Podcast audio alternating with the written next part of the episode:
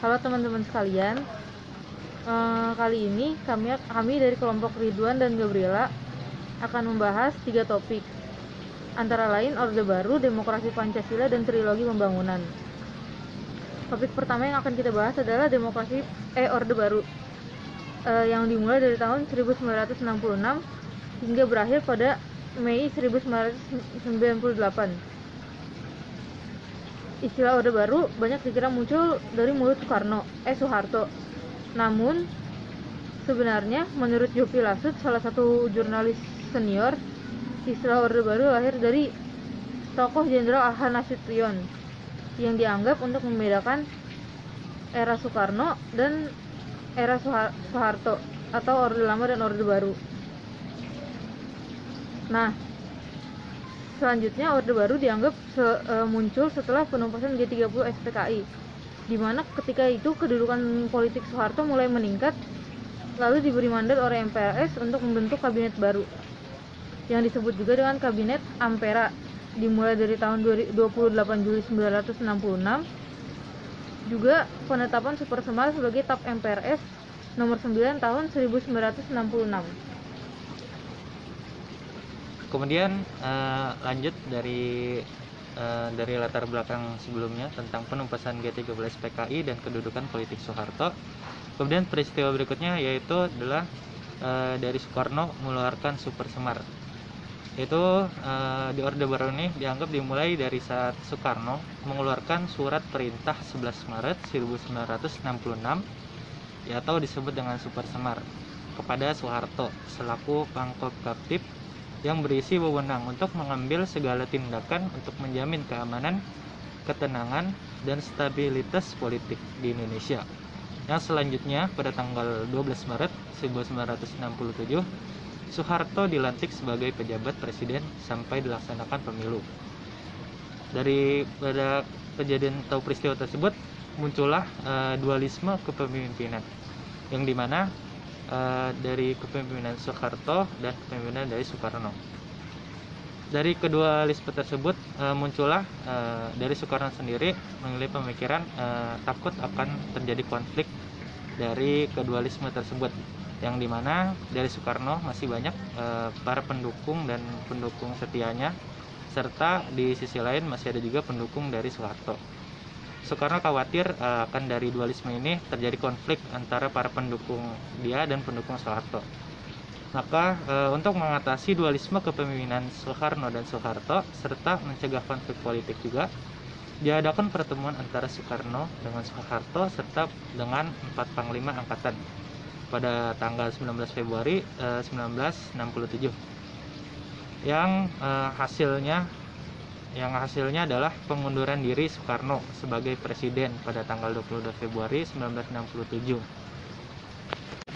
Nah, setelah pembahasan dengan, tentang Orde Baru tadi, materi selanjutnya atau topik kedua adalah tentang demokrasi Pancasila.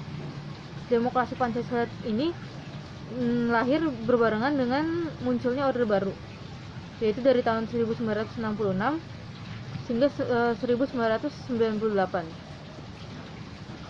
Menurut mm, banyak penulis, lahirnya demokrasi Pancasila ini terjadi karena penolakan keras terhadap demokrasi terpimpin oleh rakyat saat mulainya mulai masuknya zaman Orde Baru. Oleh karena dampak Soekarno yang terhadap G30 SPKI saat itu. Sehingga eh, atas kejadian tersebut Soeharto mencetuskan terhadap lahirnya demokrasi Pancasila. Demokrasi Pancasila tersendiri menurut Soeharto adalah demokrasi yang ke- yang berkedaulatan rakyat dan dijiwai serta diintegrasi oleh sila-sila Pancasila. Eh, de- topik tersebut lahir dari pidato Soeharto pada pidato kenegaraannya tahun 16 Agustus 1967. Yang kemudian dalam artian rakyat harus menggunakan hak-hak demokrasinya disertai dengan rasa tanggung jawab kepada Tuhan Yang Maha Esa. Demokrasi Pancasila memiliki azas atau prinsip utama terhadap pengembalian keputusan melalui musyawarah dan mufakat.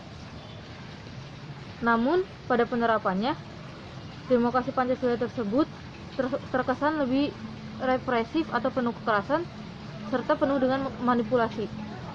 karena meski sistem politik Orde Baru tersebut berprinsip musyawarah, musyawarah mufakat, menurut Ajit Sujarjat dalam tulisannya, jajaran militer yang tidak ikut memilih langsung diberi jatah wakil DPR dan MPR sebanyak 100 kursi atau 20% dari banyak eh, TNI Angkatan Darat.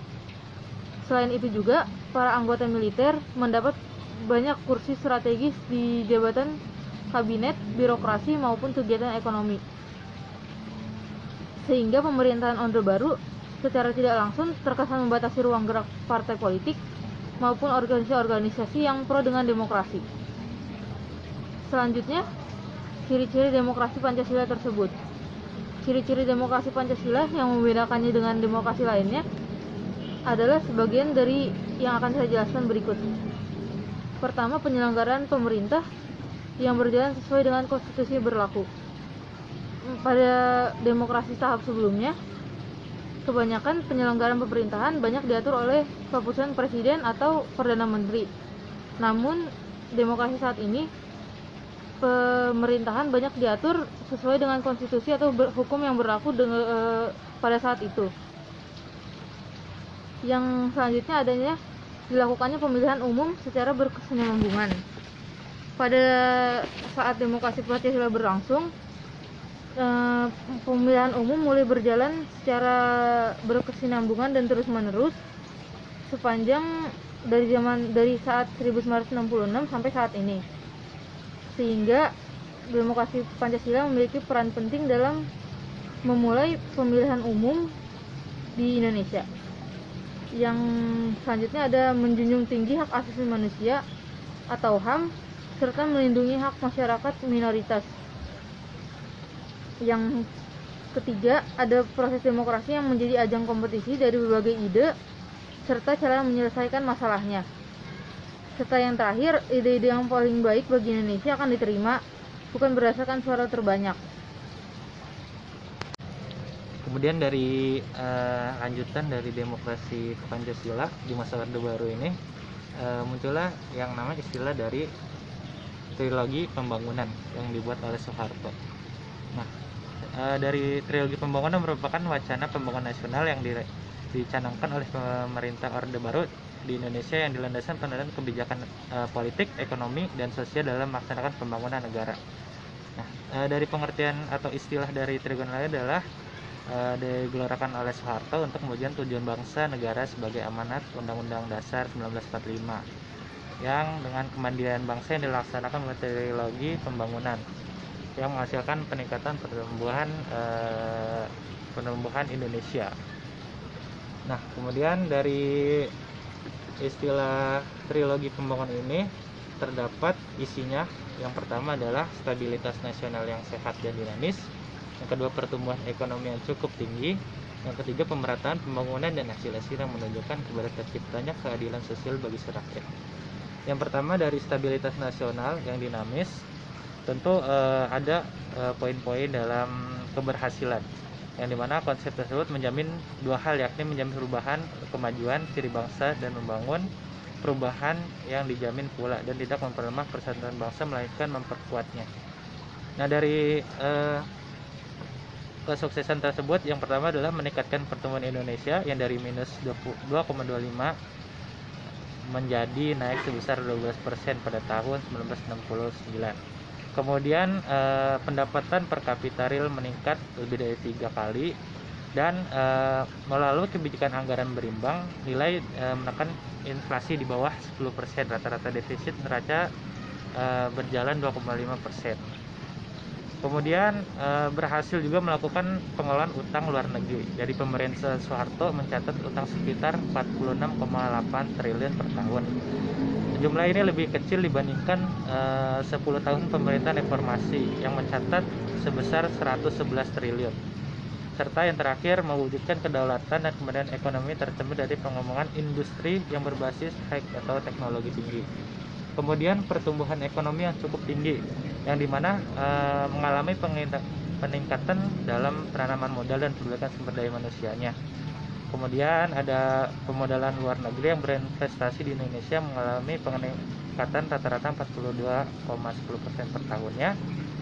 Kemudian pertumbuhan eh, yang tinggi juga dapat dipertahankan secara stabil dalam tabungan domestik. Kemudian dari sektor pertanian juga mendapatkan eh, peningkatan yang di mana sektor pertanian ini tumbuh tep- eh, cepat dan didukung dengan peningkatan produktif padi.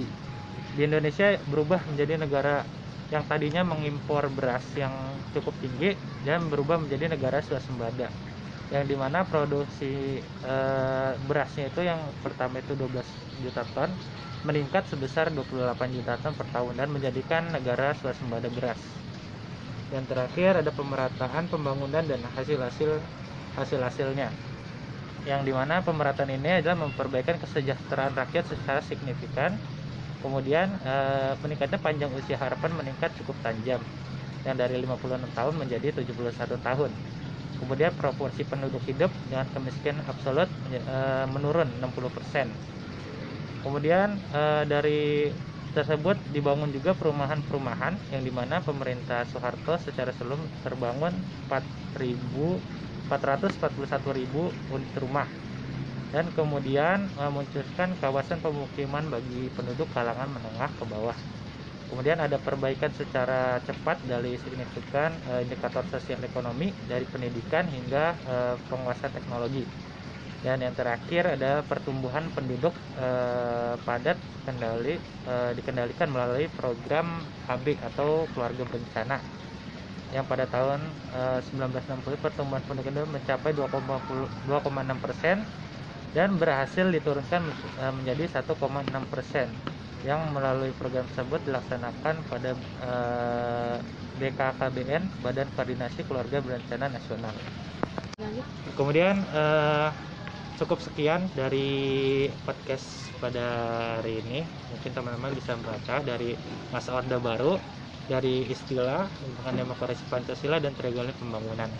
Sekian dari kelompok kami. Eh, kurang lebih maaf. Terima kasih. Selamat pagi, siang, dan sore.